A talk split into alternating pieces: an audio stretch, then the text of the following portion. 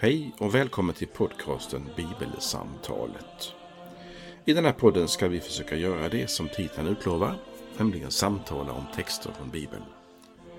Vår tanke är att varje vecka dela ett samtal om den text från något av evangelierna i Nya Testamentet som är särskilt aktuell den kommande söndagen. Fokus är just samtalet. Kanske kan det inspirera fler till att samtala om bibeltexter. Välkommen att vara med i samtalet på något sätt. Vi som gör den här podden det är Fredrik Borglin, kommunister i Istorps pastorat och Karl Magnus Adrian, präst bland annat tidigare i just Istorps pastorat. Välkommen att vara med. Idag så ska vi samtala, försöka tala med varandra eh, utifrån en text ifrån Matteus kapitel 6. Eh, och det ska vi göra för att vi tar sikte på kommande söndag som är bönsöndagen. Då temat också är bönen. Eh, så jag ska börja med att läsa evangeliet Matteus 6, verserna 5 till och med 8. Jesus sa det. När ni ber ska ni inte göra som hycklarna. De älskar att stå och be i synagogorna och i gathörnen för att människorna ska se dem. Sannerligen, de har redan fått ut sin lön. Nej, när du ber, gå då in i din kammare, stäng dörren och be sedan till din fader som är i det fördolda. Då ska din fader som ser i det fördolda belöna dig. Och när ni ber ska ni inte rabbla tomma ord som hedningarna. De tror att de ska bli bönhörda för de många ordens skull. Gör inte som det, ty er fader vet vad ni behöver redan innan ni har bett honom om det. Så lyder det heliga evangeliet. Lovad, Lovad var du Kristus. Kristus. Ja, jag är ju en sån här person som ibland tycker om att tänka på sammanhang. Det var nytt. Det var helt nytt. Och därför vill jag börja med att säga någonting här för att eh, här får vi liksom väldigt, tycker jag. Det är inte buljong det här, utan det är fond. Det är väldigt koncentrerat. Men, men det är också en del av något större. Eh, och då kan man tänka sig, vad är det här större då? Ja, på ett sätt är det Jesu bergspredikan. Ja, en predikan Jesus håller på ett berg, helt enkelt. Och där han talar om olika delar av livet som en lärjunge till honom. Och den har olika delar där Jesus pratar om olika saker, saligprisningar och att älska sina fiender. Och inte göra sig bekymmer, inte döma, inte samla skatter på jorden. Och så har han också ett, ett avsnitt, om vi liksom zoomar in lite. Eh, där Jesus talar om allmosor och bön och fasta. Alltså det handlar om att ge och att be och att avstå. Och allmosorna de ska ges i hemlighet och avskildhet till exempel. Och precis som vi läser i dagens text att bönen ska vara eller gå till. Och alldeles efter Alldeles efter den text som vi stannar till idag så går Jesus, upplever jag, lite från teori till praktik. Det vill säga han ger lärjungarna bönen eh, som de kan tänka på som en utgångspunkt eller som kärnan. Det vill säga Herrens bön, vår Fader eller Fader vår. Eh, och då är det väldigt mycket så här kan ni be. Ett väldigt praktiskt exempel. Mm. Eh, men i texten idag så Eh, så handlar det mer om hur ska man be. Och också då, hur ska man inte be? För det är ju där egentligen Jesus tar sin början. När ni ber ska ni inte göra på det här sättet. Och när ni ber ska ni inte göra på det här sättet. Men så är det också en positiv förstärkning. Liksom, utan ni ska istället göra så här. Mm. Mm. Jag tänker så att på ett sätt tänker jag att dagens text kretsar på ett sätt kring två saker. Det är var och det är hur. Jesus talar för det första om var vi inte ska be och var vi ska be. Man skulle på ett sätt kunna säga att vi ska imitera Gud i våran bön.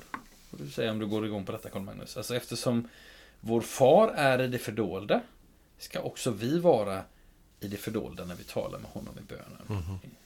Och så talar Jesus för det andra om hur vi inte ska be. Vi ska inte rabbla tomma ord som hedningarna. Man skulle på ett sätt kunna säga att vi ska imitera Gud i vår bön eftersom han aldrig talar tomma ord till oss. Mm. Sitter och rundsnackar eller så. Så ska vi heller inte göra det när vi talar med honom i bönen. Mm. Jag upptäckte när jag liksom läste den här texten, eh, som jag har läst många gånger, men när jag läste den inför vårt samtal idag så det är intressant att Jesus använder två helt han använder två grupper som, som varnande exempel på något sätt. Alltså å ena sidan är det hycklarna, vilket jag uppfattar som att det handlar om liksom personer inom den judiska gemenskapen som på något sätt har gjort sin tro eller sitt religiösa liv till någon slags show. Att de står på vissa ställen och ber på vissa sätt för att människor ska liksom titta på mig här. Eh, väldigt främmande för oss i Sverige. Mhm. Att Fredrik skulle gå ner på Ica i Horrid och, och liksom be på ett visst sätt och så ska alla människor liksom kasta lustna blickar efter honom. Det tror jag, det tror jag skulle bli svårt att uppnå i vårt samhälle idag. Och det finns heller ingen poäng om det skulle göra det så att säga. Eh, och, andra, och då är det liksom hycklarna eller de som Jesus ofta är på någon form av konflikt med. Eh, å andra sidan så varnar han för hedningarna med deras rabblande. Så att jag tänker så här, det är också viktigt att påpeka att Jesus inte jämför de här båda grupperna utan använder båda som, ja, men som ett varnande exempel i, i olika sammanhang. Eller liksom i olika avseenden eller kommer till olika områden. Mm.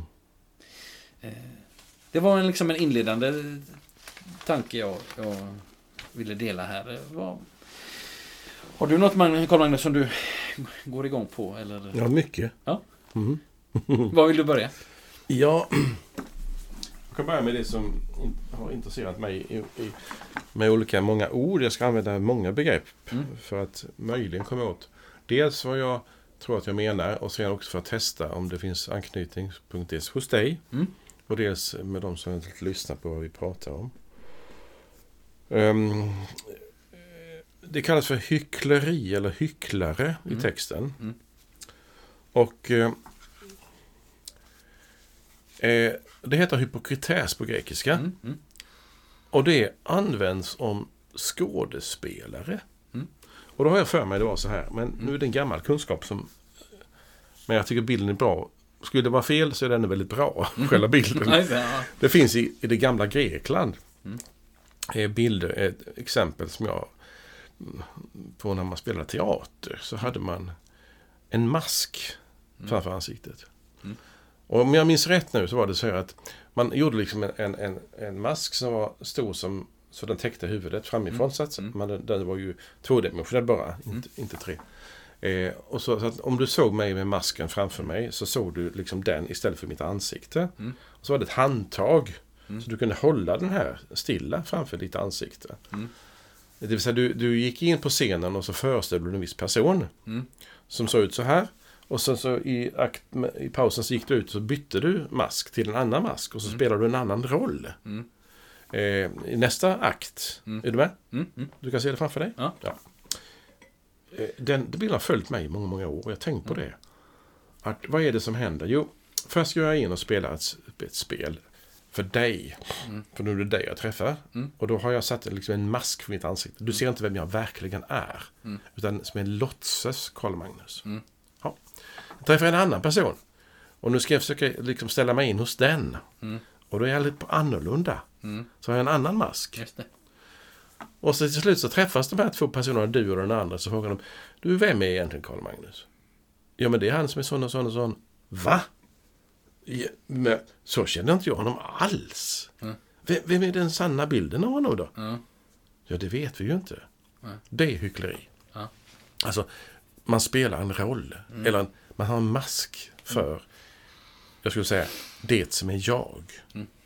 Alltså hyckleriet ersätter sanningen. Mm.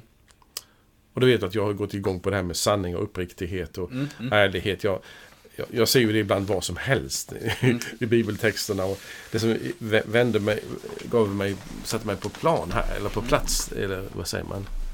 Satte mig på, det spelar ingen roll. Eh, det är ju Jesus samtal med Pilatus. Det har jag väl dragit en gång, kanske till och med i den här på den vi håller på med. Men den är så bra så jag säger det igen. Gör det. det är när Jesus talar med Pilatus. Ja. Eh, och så har de ett samtal först om, om vem är Jesus kung? Mm. Aha, är han hot, hotar han Pilatus som är Mm. romersk ståthållare? Eh, jaha, da, da. Ja, nej, säger Jesus, mitt rike är inte av denna världen. Det fattar inte Pilatus, tror jag. Nej. Och säger Jesus, jag har kommit för att vittna om sanningen. Mm. Och då kommer Pilatus fråga, Vad är sanning? vad är sanning? Och då har jag sagt till dig, det spelar ingen roll, att jag tror att när jag har hört utläggningar av detta så har det alltid handlat om att Pilatus lite arrogant, cynisk vadå sanning? Mm. Jag tänker, nej! Han är nästan som en postmodern människa som liksom Ja. säger det finns ingen sanning ungefär. Men tänk, Ja. tänk om han är mycket uppriktig. Ja. Jag skulle väldigt, väldigt gärna vilja komma på sanningen. Mm. För jag lever i lögnens sammanhang, lögnens samhälle, i lögnens... På, på i mitt så att säga, hov, hela, min, hela maskineriet så är det, så är det en massa Mm. lögn och mygel hit och dit. Jag Mm. längtar efter sanningen. Och då tror jag att det finns någonting här med sanning, uppriktighet, Mm. Ärlighet eller rakhet Mm. kan man säga Tydlighet. Mm. mot hyckleriet. Och hyckleriet är alltid släkt med lögnen på något vis. Det är ju Mm. halvlögn, hellögn eller någon sorts antydan om att eh, jag vill inte framträda som jag är och så. Mm. Och jag tror att hyckleriet är så farligt därför att eh, när lögnen tar sig in så är det lögnens första djävulen som är med. Mm. Han älskar ju lögnen. Mm. Att hyckleriet är precis det han vill. Han förklär sig till någon annan än han Mm. är. Det gör den onde. Mm. Och då menar jag att det finns, då finns det egentligen en mycket, mycket enkel väg. Och det är att stå emot hyckleriet. Mm. Alltså lögnen. Mm. Och nu kommer min slutkläm som är Mm. väldigt knepig. Mm. Varför håller jag på med halvlögner eller hyckleriet eller. Ma- masker för ansiktet? Jo, för jag har inte, jag har inte självförtroende nog. Jag tror mig inte vara älskad nog. Jag tror inte jag är bekräftad nog. Jag tror inte jag är omtyckt nog. Därför måste jag göra om mig. Mm. Jag skulle gärna vilja att min kära vän pastor mm, punkterar den här tesen. Mm. För den tänker jag ofta på. Alltså, tror du att vinner den gehör hos dig? Jag kan ta den igen med andra ord. Mm. Om, jag då, om jag då spelar ett spel för dig Mm. eh, så, så liksom låtsas jag vara någon. För att jag inte tror riktigt att du tycker om mig. Nej. Jag kan ta ett exempel. I det här rummet som vi sitter nu så finns det x antal böcker, ganska Mm. många. Mm. Och så tittar du på dem och så tänker du, har Carl Magnus läst alla de böckerna? Och så säger jag bara, Det är en tanke som har slagit mig. Ja, säger jag sådär. Och så tänker du, det har han nog gjort. Han är nog väldigt beläst. Också ödmjuk så han inte säger jajamän. Nej, utan- jag ska hålla dig, jag ska få dig att tro att jag är så jättebeläst. Är du med? Ja. Eh, om du frågar mig då, så här, men kom, säg mig, har du verkligen läst alla böckerna? Så skulle jag säga, jag har nog i snitt läst 40 sidor i varje. I Mm. snitt, inte mer. Och då tänker du, aha, då är han inte så beläst ändå som han verkar. Mm. Är du med? Mm. Då är frågan, frågan till mig nu. Mm. Vill jag stå för det som är sant? Mm. Eller vill jag spela ett spel? Mm. Vill jag vara hycklare? Mm. Eller vill jag säga som det är? Mm. Så kan jag säga, en del böcker har jag läst från pärm till pärm flera gånger. Jättebra. Några böcker här har jag bara bläddrat i. Någon slår jag upp ibland. Nu, nu tar jag ett exempel som är lite löjligt nästan för att jag behöver inte hålla på med att använda det exemplet. Utan poängen är ju att jag i en vänskap vill stå för det som är sant. Mm. Och motsatsen är att jag vill ha ett sken av Mm. att vara någon annan. Mm. Och då är det inte bara det att jag är dum, Mm. utan jag kanske är kanske bristfällig i min tro på att jag är omtyckt. Mm. Och jag skulle säga då när jag drar ut svängarna alldeles för mycket, Mm. Att när jag inte tror att jag är älskad av Gud, Mm. då måste jag hitta på en massa skydd.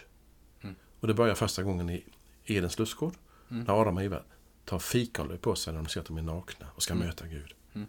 Alltså när jag ser min egen nakenhet, att jag inte är så beläst, så ska jag skydda mig så ingen ser min, Mm. min svaghet, min litenhet och så. Och då är ju hyckleriet. Och då säger Jesus, nu är snart dags att sluta den här. Mm. Gör inte som hycklarna. För de älskar att stå och be i synagogorna. Det vill säga sken av. Mm. I det här fallet var det eh, andlighet. Det hade inte varit lika kul att stå i ICA. För då hade Nej, man blivit utskrattad och så. Va? Ja. Utan det finns andra saker i vårt samhälle ju, Mm. Som ju precis likadant. Ja, jag, blir, jag går ju också igång på det här att, att det här hyckleriet, det, blir, det är en väldig... Det tänker jag går att koppla också till så att säga bönen i det eh, i ett sammanhang där vi får liksom lära, lära känna Gud eller närma oss Gud och, och, och sådär att, att det här hyckleriet då, det blir ju liksom det blir ett hinder för ett möte. Ja, det är bra. Det, ja, det köper jag. Eh, Ja. Det vill säga, låt, nu, jag, låt säga så här, jag har en ny bekantskap. Mhm. En, en, en ny, eh, någon person som jag tycker verkar trevlig och sådär och den personen bjud, bjuder in mig på middag.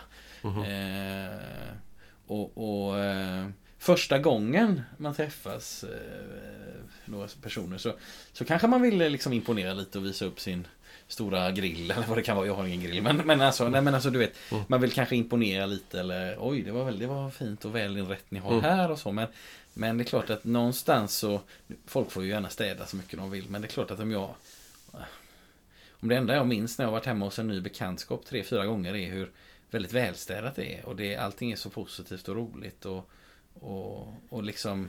Eh, det, det, du förstår vad jag menar? Det blir, det, om, om, vi inte kommer förbi ytan. Alla, männi- alla människor har en yta och det, det, det men, men om man inte kommer förbi det, om jag om jag säger, om jag kommer till, till Carl Magnus här och, och, och eh, hittar på ett fånigt exempel här men och, och, och, och, och det, är barn, det är kalas för något eh, barnbarn till dig säger vi och jag av någon anledning är bjuden och så säger jag oj vad många fina ballonger det var. Mhm. Och så säger du aj men vet du, jag har ju blåst upp det med en världens dyraste kompressor här vet du som jag har köpt. Det ska ju vara riktiga grejer och så. Alltså det blir konstigt då. Mm. Det var inte det. Jag vill inte veta något om, om, om, om din maskinpark. Nej. Jag vill ju bejaka att det här barnet har fått många fina ballonger på sitt kalas. Mm, mm. Och då hade du kanske mer, jag kanske mer hade hoppats på ett svar från dig som är typ, ja, det är roligt med ballonger, det tycker jag Mm, också fast jag är lite äldre. Ja, alltså, Mm. och, och det är klart att det här med alltså att, att vi människor har olika roller på en arbetsplats eller i en familj, eller Mm. äktenskap, en församling, ja, det är ju en sak men så att säga, men det är ju, det är ju någonting annat än det här Ja. hypokrita är, eh, som Mm. du nämner, eh, skådespeleriet. För det, Ja. det, det hindrar ju mig. Och det är klart att när jag, om jag då kommer till Gud med mitt skådespel, då, då blir det ju ett, då blir det ju en, då blir det ett hinder där på något sätt. Men du, det finns ju... Ja, alltså när det sista. När man läser den meningen. Eh, ber ska inte vara som, göra som hycklarna. De älskar att stå i, och be i synagogorna och i gathörnen. För att människorna ska se dem. Mm. Alltså, för det första så är bönen riktad till Gud. Mm. I det här fallet så är bönen riktad till människorna ju. Mm. Alltså de ber ju, de Jesus kallar för hycklarna, de ber för att folk ska tycka att man är from eller andlig. Mm. Och nu säger jag återigen, det är ett exempel i den kontexten som är intressant samtiden. Det hade inte varit samma sak hos oss. Det vill säga, eh, alltså, jag tror inte att man hade blivit populär i Sverige om man hade liksom bett offentligt. Mm. Så det är inte liksom just exemplet Mm. Men, men saken, eller det det handlar om, känner vi mycket väl till. Mm. Alltså om, om det är någon som, någon som ska... Jag menar om jag om, ta dina exempel, om du då har med dig en present till mitt barnbarn på den här kalaset som du Mm. hittade på nu. Mm. eh, Till den femåringen som var som här. Mm. Så går du först fram till Karl Magnus, ja, till mig och säger Ja, jag har köpt en present här för 760 kronor till ditt barnbarn, vill jag bara Mm. berätta för dig. Mm. Eh, ja, och och sen går du in till barnbarnet och lägger det på bordet där. Ja. Varför ska du berätta det för mig? Ja. Det är inte till mig. Nej. Det är inte jag som ska ha det. Varför ska jag, ska jag klappa dig på axeln och säga att du är duktig? Ja, nu kan man säga att det var inget bra exempel, Karl Magnus. Det är klart att det, du blir glad för att Fredrik ger ditt barnbarn en present. Jo, men det är barnbarnet ska som blir glad för presenten. Mm. Om det kostar 750 kronor eller 75 kronor, det spelar ingen roll för Nej. barnbarnet. Nej. Det vill säga, gör det du ska göra, rikta dig åt det hållet, titta inte till höger och vänster. Nej. Är Gud som ska ha dina böner, så ge honom dina böner. Mm. Och så behöver du inte visa... Så man kan säga så här då, likheten blir att på Karl Magnus barnbarnskalas så är så att säga, jag ska inte bli sedd av Karl Magnus, jag ska få uppmuntra eh, barnbarnet. Och, och, i mitt religiös, religiösa liv så är det inte, inte vad andra människor ser utan Ja. vad, Gud vill göra. Alltså det är ju väldigt uppenbart. Och när du sen tog upp det här var väldigt bra, de här punkterna. Så du nämnde att, att um, imitera Gud. Mm. Som Jesus säger ju det. När du går in i din kammare, stäng dörren och be sedan till din fader som är i det fördolda. Mm. Jag hittade en kommentar av den eminente mannen, jag glömmer hans namn, spelar ingen roll. Som berättar om att det här ordet för kammare används om det rummet som inte ligger mot gatan utan inåt, som kanske ofta saknade fönster, skriver han i kommentaren. Det vet inte jag, men jag tycker det var bra. För poängen är att kammare är inte de stora salarna. Nej. Det är inte de stora ytorna. Det är inte liksom... Titta in genom fönstret som går på gatan. Ska ni se när jag ber här inne? Mm, nej, just det. Nej, utan du stänger dörren om dig. Ingen ser din fromhet.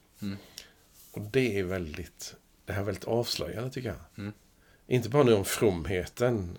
Nu ska vi strax prata också om vad bön är för någonting Ja, kanske. ja. För nu går vi runt omkring. Nästan som blir alltså psykologisk kommentar. Men att det finns ju någonting i detta som, som ändå hjälper oss att förstå ska vi säga, ramen kring bön. Och då tror ju jag att det handlar i början av den här texten, som du så bra sa, med mina ord, om att se till först så, du, så du är sann och ärlig och uppriktig. Och vill du, vill du vara det, med Jesu ord till Pilatus, den som är av sanningen må komma till Jesus. Så vill du eh, stå för sanningen. Nu kan vi prata om bön. Men vill du inte stå för sanningen så pratar vi inte om bön. Nej. För då blir det någon sorts, ah, vadå? Men har du ett intresse för det som är sant, äkta och gott, då kan vi prata vidare. Eller? Ja, och det är därför också Jesus vet att jag tänker så här, Jesus vet att vi behöver detta.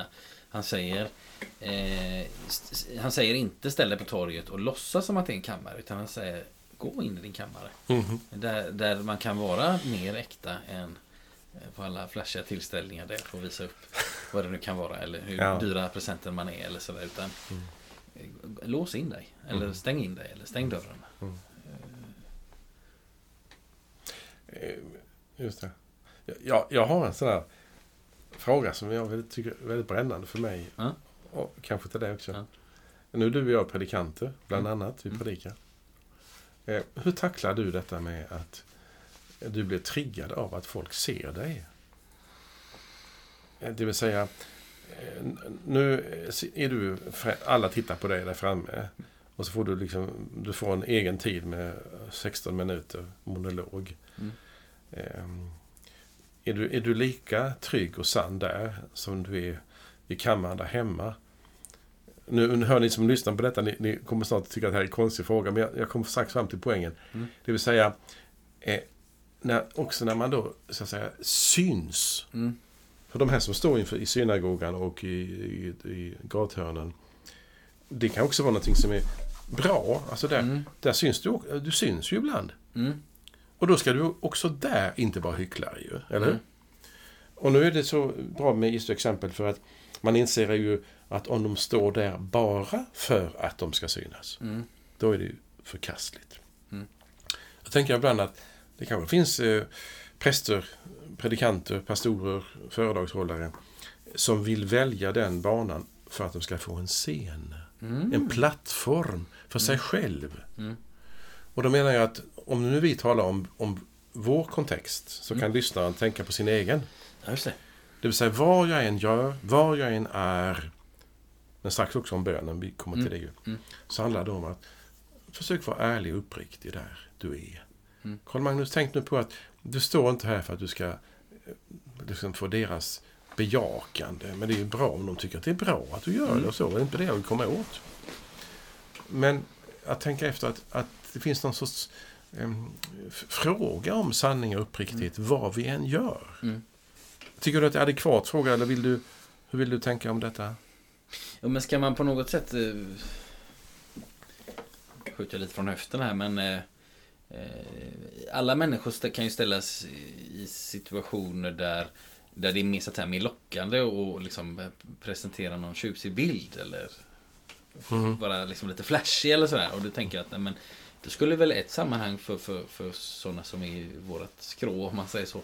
Det skulle ju vara eh, kanske predikan då, att man vill verka på ett visst sätt för att man har uppmärksamhet riktad mot sig och då är det ju så att säga, det är enkl, då är det på något sätt enklare att odla bilden av mig själv när människor tittar än när jag stänger in mig någonstans. Så att säga. Mm, mm, mm. Eh, och det här, hur, hur motverkar jag då det? Ja, det Mm. finns väl kanske inget sådär rakt svar jag har direkt så, men det är klart att om jag vill vara sann så är ju en bra utgångspunkt eh, att börja med det när jag så att säga närmar mig honom som själv är sanningen. Ja, det är bra. Eh, det vill säga om Jesus säger jag är sanningen. Då Då, då, då Mm. kan jag börja där. Mm. Eh, Jag kanske skulle vilja tillägga för att inte den som lyssnar missförstår mig att jag menar ju att vi har roller att spela. Mm. Absolut. Mm. Jag menar, den som syns mycket ska inte skämmas för det. Ja. Så det är inte, jag, vill, jag vill inte komma åt det. Nej. Men det tänker inte du heller till. nej, nej, nej, nej. Utan just nu är det sanningsfrågan. Mm. Som ju, tack för att du Mm. tog det, den kommentaren. Nej, men jag kan, och det, men, men det är klart att det, det, det, är, det är farligt det där med, med, med att eh, för lite bekräftelse, det är inte alls bra för människor. Och, och för mycket bekräftelse är inte heller bra. Eh, Eller vi kanske, vi kanske inte kan bära det. nej, eh, En del. Men, men inte heller... Det som jag tar tillbaka jag sa, men det menar jag inte. Alltså vi får inte förakta oss Mm. själva Mm. i de rollerna. Utan det enda är ju här att eftersom Jesus är så mån om det här. Mm. Innan han kommer nu tala om, om bönen. Så är det ju någon sorts hyckleribeteende. Mm. Som ju är faran. Och det kommer tillbaka flera gånger hos Matteus. Mm. Eh, Det står så här eh, i, liksom före vår text att ge din allmosa i det fördolda. Mm. Alltså ge gåvan, visa inte hur mycket pengar du ger. Mm. Och så står det då ska din fader som ser det fördolda ge tillbaka. Mm. Och sen eh, säger han om att när du ger någon gåva, låt inte vänstra handen veta vad den högra gör. Ja. Alltså, var sann. Vill Mm. du ge pengar till Röda Korset så gör det. Mm. Du behöver inte basunera ut det. Nej. Det är den äktheten det handlar om. Är det inte det? Tre gånger i Matteus 6 så säger Jesus något som jag nästan tycker jag låter lite som en refräng. Han säger så här. Sannerligen, de har redan fått ut sin lön. Just det. Eh, det vill säga, det, det är någonting att nej, men sträva, alltså de har redan fått ut sin lön. Tre Mhm. gånger i Matteus 6. Det- är på något sätt målet för de här lite varnande exemplen som Jesus ger. Den som står och ber för att bli sedd. Mhm. Eh, den som låter blåsa i en ba- basun när jag ger. Och Mm. så vidare. Alltså, och det är inte målet för det kristna livet. Det Mm. är inte omedelbar bekräftelse här och nu och människors gillande. Nej. Och sen när det gäller, vi alla människor har ju sammanhang där, där vi eh, kan lockas till och, och liksom, åh, allt ljus på mig. Och då tänker jag så här, kan jag hitta någon, en bön eller perspektiv eh, eller ett bibelord som på något sätt jag försöker återkomma till. Alltså, Mm, mm. Jag har nog mer än en gång nämnt ett ord som jag tycker mycket om. Johannes 3.30. Döparen säger, han ska bli större, jag mindre. Eh, eller kunde man be bönen, Gud jag kan inte men du kan. Mm. Alltså, eller vad det nu kan vara. Alltså, ja. Ja, bönen. just det. Eh, Jag har en liten koppling framåt. Mm. Är det okej? Kör, det- absolut. Ja. Eh, Du satte ju fingret på det för en stund sedan. Att be... ehm, gå in i din kammare och be till din fader som är i det fördolda. Mm. Eh, om jag nu släpper det här med sanning och hyckleriet och så, Mm. så, så börjar det närma sig det här med bönen. Mm. Alltså, var söker jag Gud? Mm. Jo, är det lilla, det enkla, Mm. det mörka, det stängda.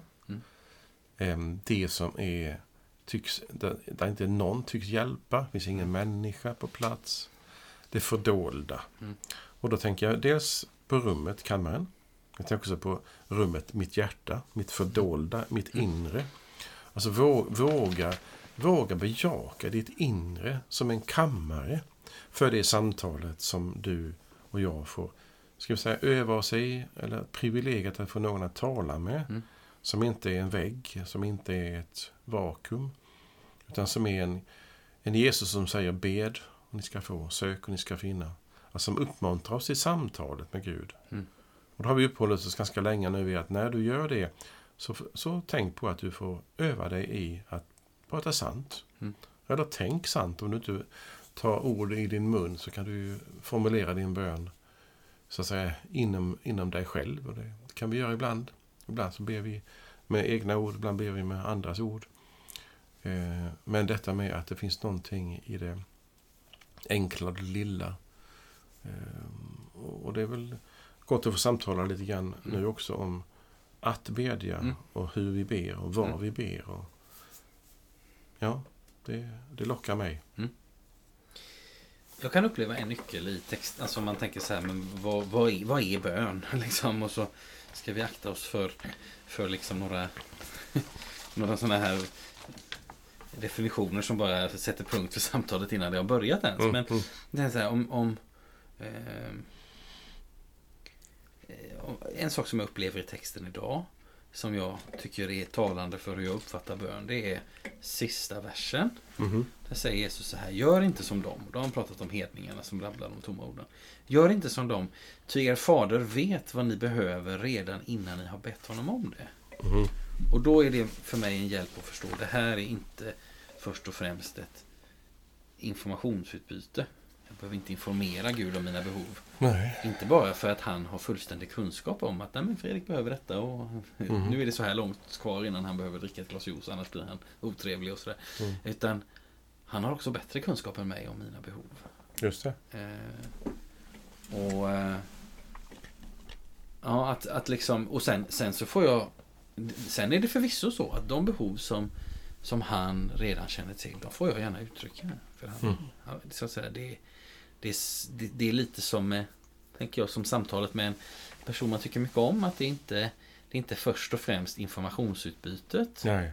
Eller, eller eh, två glada vänner slänger käft. Liksom, utan det är oj, vi, vi möts, jag får höra den andres röst, jag får prata. Jag, Mm. får, Mm. får, eh, jag, jag kan eh, hålla mig på en stig, jag får tvärt byta ämne om det är så. Alltså.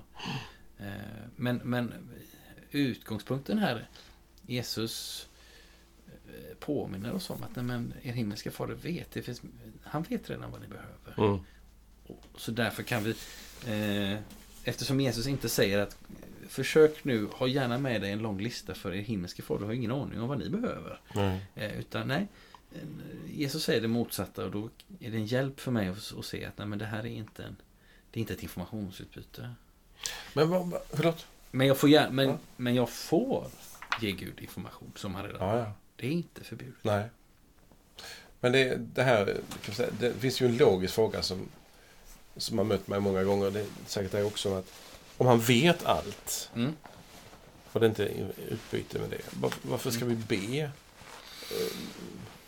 Hur, hur går du tillväga med den frågan? För den är ju inte ovanlig. Nej. Och det, det är precis, det, det är på ett sätt en logisk motsägelse. Att eh, om nu Gud vet allting, varför ska vi då be? Mm. Eh, men det, den, så att säga, den logiska motsägelsen blir ju större om man lägger till följande. Om nu Gud vet allting, varför ska vi då be? Eftersom ju bön är ett informationsutbyte. Nej, det är det inte. Mm. Eftersom Jesus påtalar att utgångspunkten för bön Gör inte som dem, stäng in dig, gör inte som dem och rabbla. Er himmelske fader vet. Då, då blir min slutsats att ja, men då, är det in, då, är det inte, då är inte poängen med bön är inte att jag ska tala med om det, alltså att jag ska Nej. informera Gud. Utan då måste det vara något annat som är grundtanken med bönen. Just det. Precis så. Jag håller helt med. Alltså det, bön är mer eller, eller något annat Mm. än. Men vi får också Mm. säga allting. Vi får Mm. ta... Men är det så att vi uppfyller av listan, som du sa, Mm. på allt vi vill ha. Mm. Så vi liksom göra färdig den listan så, Mm. så vi har pratat av oss. Mm. Det kan ibland vara så i Mm. samtal också. Man Mm. känner att Ja, att jag hade en vän nu häromdagen i telefonen så jag kände att efter tio minuter så nu hade han nog pratat av sig. Ja. Och då kom samtalet igång ungefär. Ja. Att, ja men det, det, så kanske det är ibland. Mm. Men hur skulle du, det här med den andliga vägledningen till hjärtats samtal med Gud då? Hur ser den ut? Det samtalet. Som inte är informationsutbyte, som inte är listan. Men den måste, ja men då vill jag likna den vid Du pratade om samtalet för, eller för en liten stund sedan sa du samtalet Och så, så refererar du till din vän Och, och sa nu, nu efter tio minuter har den personen pratat av sig Mm. Och då kan samtalet börja och, Mm. och då betyder inte det att det på något sätt var så att du liksom gick och mikrade din lunch under tiden och lät han prata i en tom telefon där ingen lyssnade. Eh, utan, och jag tänker att så kunde det också vara när man träffar en människa som är liksom, nej, men vi, vi ses för att prata, vi har, vår relation är att jag pratar med dig ungefär. Eller så, va? Mm. Att det kan också vara så att det blir oftast någon sorts inledning och sen så är, kanske man får upptäcka eh, i vilken ände börjar vi idag ungefär. Man, måste, man måste hitta fram till varandra. Ja. Eh, Och jag uppfyller mitt så kanske jag måste eh, liksom bli av med det. Mm. Ja. Jag tänker på det här som är... eh, när vi, vi omgärdade, du och jag, ju av en mängd böner i skriven form. Mm. Till exempel 150 saltasalmer Mm. som är sjungna eller be, eh, lä- lästa. Mm. Och vi har bönböcker hit och bönböcker dit ju, Mm. på olika sammanhang. Mm. Eh, och vi ber ibland i våra gudstjänster skrivna böner. Som är förekommande. Eh, och så märker vi att övningen, alltså mitt hjärtas övning Mm. till att kommunicera, Mm. eller om, kan man säga ordet, eller samtala med Gud. Det kanske vi skulle se om vi hittar ord för. Alltså hur, hur, um, hur umgås man? Eh, ibland kan det vara så, eh, kan jag tycka att när, när orden tar slut Mm. så händer något. Mm. Alltså om, du, om vi låtsas nu att du är den här pratgalne vännen Mm. som pratar om dig i tio minuter. Och sen, sen, sen är du klar med det. Ja. Och då känner jag, nu har det lugnat ner sig. Mm. Nu kan vi umgås lite utan ord. Mm. Eh, så säger jag fortfarande att ja, vi kan behöva det där pratet. Det menar jag inte att vi, att vi inte behöver. Men det är någonting som, som, som händer i en gemenskap, i en relation. När man känner bara att ja, nu sitter jag inte och väntar på nästa mening jag ska säga. Ja, just det. Och tror du att det är så med Gud? Att... Jo, om det inte är att rabbla massa ord Mm. och inte att visa att man är from. Mm. Och han vet vad jag behöver. Mm. Vad är det du att prata med Gud? Men det är...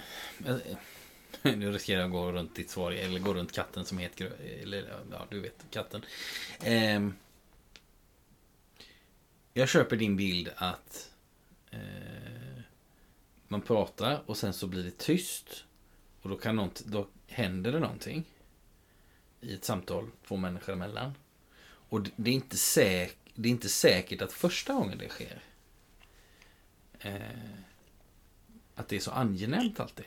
Det kan också vara trevande eller man tänker "Åh, vad ska vi prata om nu? Eller, Mm. sådär. Och sen så kanske tredje eller femte eller tolfte gången. Så. Ja, men vi behöver, inte, vi behöver inte prata hela tiden. Nej. Om jag är här på, på en eftermiddag eller något. Vi behöver inte, vi behöver inte Mm. använda talorganen hela tiden. Mm. Eh, och det, det, det skulle jag säga då, om vi för över detta till bönens område. Att, att det är en, vi behöver prata av oss. Och sen så, får det, så uppstår det en, en, kanske en tystnad. Och det är inte säkert att den tystnaden alltid är så lätt första gången. Mm. Men, men det är ändå med, men, men att återkomma till den tystnaden. är- Mhm. Mm. Eh, Ja, att, ja. ja. Nej, Jag ställer frågan därför att jag, ena, jag å ena sidan är intresserad av alltså den här andliga vägledningen som finns i våra traditioner där man Mm. vill hjälpa människor. Då kan man sätta en bönbok i handen på någon och här, Mm. be det här och så.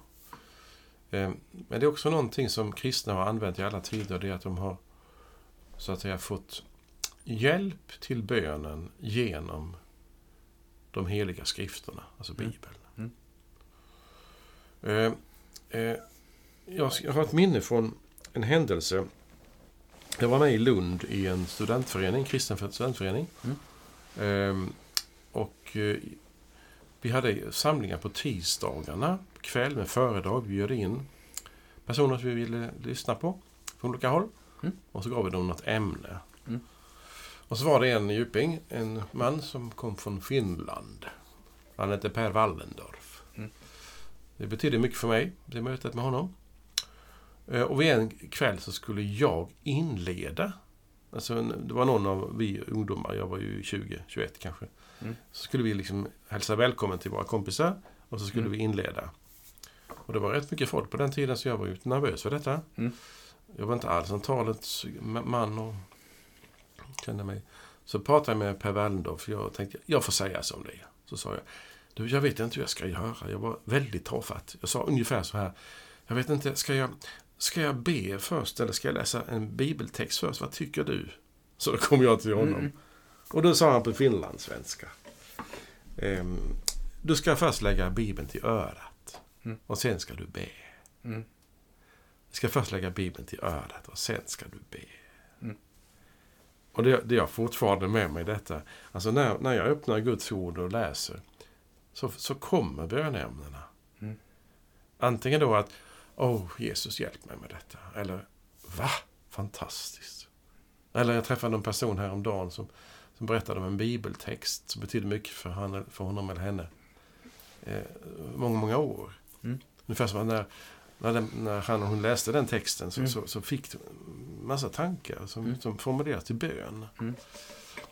Det vill säga, det är någonting som sker. Och jag tänkte då koppla ihop detta med episteltexten för denna söndag vi pratar om nu. Det finns bara en liten mening, du behöver inte slå upp den, jag kan Ja. läsa den högt. Gärna. Eh, anden stöder oss i vår svaghet. Mm. Vi vet ju inte hur vår bön egentligen bör vara. Mm. Men anden vädjar för oss med rop utan ord. Och han som utforskar våra hjärtan vet och så vidare. Alltså, om det nu inte är att ge listan till Gud. Här är 17 punkter som är, som är prioritet 1. Mm. Ja, det kanske, det kanske är sant att, jag, att en del är sant. Jag har nöd för den och den och den är inte frisk och det är jobbigt med det och så. Va? Men sen är frågan, vad vill, vad vill Guds, vad vill Gud egentligen? Vad, vad är det viktiga? Och, Mm. Och vad, vad, bör jag satsa på? Om nu Gud vet mycket mer än jag, så kan jag säga, när de här 17 punkterna, det är bara en bild alltså, är Mm. klara, så, så noterar jag, vad är viktigt för, för vad är, är detta viktigt, det jag, det jag ber om? Mm. Ja, oh ja. Men tänk om det Gud vill öppna något nytt för mig. Mm. Och då tror jag att, att Guds ord öppnar upp Mm. för att liksom får leva i någon sorts relation genom Mm. ordet till i bön. Mm. Eh, blir jag förstådd? Mm. Alltså genom ordet leva i en relation i bön. Mm. Och, och på något sätt, då, det, det kopplar jag ju till detta att eh, Jesus han talar i våran text idag om eh, hu- hur, hur ska vi be eller hur ska vi inte be och sådär. Ja, Och sen så ger han också oss Be så här, Fader vår som är i himlen och så vidare. Mm. Alltså han ger oss det. Alltså, jag, jag, jag vill liksom ställa det bredvid det här som du läste nu från episteltexten. Alltså, vi, vi vet inte vad vi bör be om, men, men anden vädjar för oss. Alltså, och Gud ger oss också en, ett underlag för vår bön. Mhm. Sitt eget ord. Mm. Eh, Alltså jag får inledningsvis, eller jag får så mycket jag behöver så länge jag vill. Så får jag tala om detta, detta bär jag på Gud, detta känner jag, detta och detta är så viktigt och jag är så trött på den personen och, och du vet Mm. allt som man känner och sen så och sen så och sen vill Gud visa mig och, och, och glöm inte detta och så, alltså då, då har jag också fått ordet där att eh, där han vill säga tänk också på det här och jag vill visa det, det här för Mm. dig. Och, det tänker jag det är fantastiskt att vi både i, en, i ett dop eller en söndagsgudstjänst eller i en eh, begravning ber Fader vår. Alltså det vill säga Gud är så medveten om vad vi, vad vi står i. Om vi kommer med ett barn till dopet eller Mm. Mm. vi är en eh, trött kusin till dopbarnet som bara vill sova och egentligen inte vill vara där. Eller, Mm. eller om vi går med en älskad till, till, till liksom sista vilan eller sådär. Mm. Och så får vi be Fader vår. Mm. Varje gång. Vi får höja oss över det. Inte för att det vi står är oviktigt, för det är det inte. Nej. Aldrig någonsin. Men för att se och så vill jag tala in mitt ord. Det det. är inte bara en av människor formulerad bön, utan det är något som Jesus Mm. har gett oss. Det är stort tycker jag. Det är... Jag har en liten parentes Mm. eh, och vända i Filipperbrevet om det. Mm. Ja. Kör. Jag- ska läsa det ställe från Filipperbrevet 4. Gör er inga bekymmer, utan när ni åkallar och ber, tacka då Gud och låt honom få veta alla era önskningar. Då ska Guds frid, som är mera värd än allt vi tänker, ge era hjärtan och tankar skydd i Kristus Jesus. Alltså bekymmer, det känner vi igen. Mm. Eh, när ni ber bekymrade, så låt honom veta allt. Mm. Och då finns det en poäng att låta honom veta allt. Och det, det återvänder till mitt lilla bildspråk med 17 punkter. Eller Mm. eftersom du hade en lista. Mm. Alltså, låt honom få veta allt. Säg som det är. Mm. Det handlar om min egen uppriktighet, min egen ärlighet. Att, Mm. Eh, när jag sitter här och tänker så kommer de här 17 punkterna upp igen och igen och igen. Sån är jag. Mm. Och då behöver jag inte säga, nej sån är inte jag för jag är mycket mer andligt sinnad. Mm. Nej, jag är inte andligt sinnad. Jag har de här och här punkterna. Säg nu som det är, Karl Magnus. Håll Mm. inte på med att gå bakom ryggen nu. Eh, och så står det, låt mig veta, då ska Guds frid som är mer värt Mm. era tankar skydd. Mm. Alltså det finns någonting att komma med detta till Gud. Mm. Där står inte Nämn de här 17 punkterna så ska Gud ge, ge dem er 14 av de här punkterna. Mm. Utan han ska skydda dig. Mm. Oj, har vi det där bevarandet igen. Mm. Alltså jag behöver skydd i mina tankar, i mitt hjärta. Och då, då sker det någonting när jag kommer till honom och när jag Mm. är inför honom. Och då tror jag att detta handlar om det här hjärtats kammare. Mm. Som vi pratar om. Att när, när, hjärt, när, jag, när jag får vara där med, ihop med Gud i mitt hjärtas enskildhet och så. Så är det någonting som sker där som jag... Jag börjar med mina 17 punkter nu. En dum bild. Fortsätter med den. Mm. Jag börjar med det där som ligger på mig. Och sen ber jag om skydd. Om, om, för att jag ska bli... Att mitt inre ska bli bevarat. För det är något ömtåligt inom oss som kan ta Mm. skada också i den här världen. Och därför får vi inte glömma det. Ja, eh, nej men då är det på något sätt som att Jesus kan säga, säger, eh, Fadern vet redan alla era önskningar. Mm. Och så skriver Paulus då, i, vad sa du, Filipperbrevet 4. Mm. Eh, låt Gud veta alla era önskningar. Ja. Som han redan vet, men det är ändå vägen till frid. Just det. Är att tala om det som han redan Just det. vet. En bild på slutet som jag tycker är fin när man pratar om bön. Eh, man kan tänka att om man är ett litet barn eh, som får vara med om något stort. Eh, jag har ramlat och slagit mig eller jag har just upptäckt något alldeles fantastiskt. En fjäril eller vad det kan vara. Och så finns min förälder i rummet intill eh, och så springer jag in dit och så mm, eftersom jag är ett mycket litet barn så kan jag inte tala så tydligt och inte heller så jättesammanhängande så är det också någon slags eufori. Mhm. Eh, positiv eller negativ. Eh, men jag är väldigt upprymd. Mhm. Bra eller dåligt liksom. Och då, då tror inte jag att det finns någon förälder som säger så här. Vad är det du babblar om? Lär dig prata rent. Sen kan Mhm. du komma tillbaka. Nej, Mhm. utan kom här, berätta. Mhm. Även om det språket som vi har är begränsat eller vi tycker att vi är Mm. otydliga. Och så kanske i synnerhet någon som är ovan med att be tänker att Mhm. ska jag få be? Jag är ju så valhänt, jag hittar inte orden och sådär. Mm. Nej, men inte ens en, inte, inte ens en jordisk förälder tror jag skulle säga. Börja prata med mig först när du vet hur man gör och kan alla akkusativ. och- Ja, det är bra. Det är gott. eh, varför skulle Gud vara annorlunda på den Mm. punkten? Mm. Ja. Ja, fint att tala om bön idag. Och nu... eh, nu går vi... Jag skulle säga nu går vi ner för räkning här. Nu, nu närmar vi oss slutet på det här samtalet. Mm. Eh, så jag vill, jag vill tacka dig som har lyssnat. Hoppas att du har funnit något i det här som kan berika ditt samtal. Eh, tills vi hörs igen så önskar vi dig som har lyssnat allt gott och Guds rika välsignelse. Hej då! Hej då.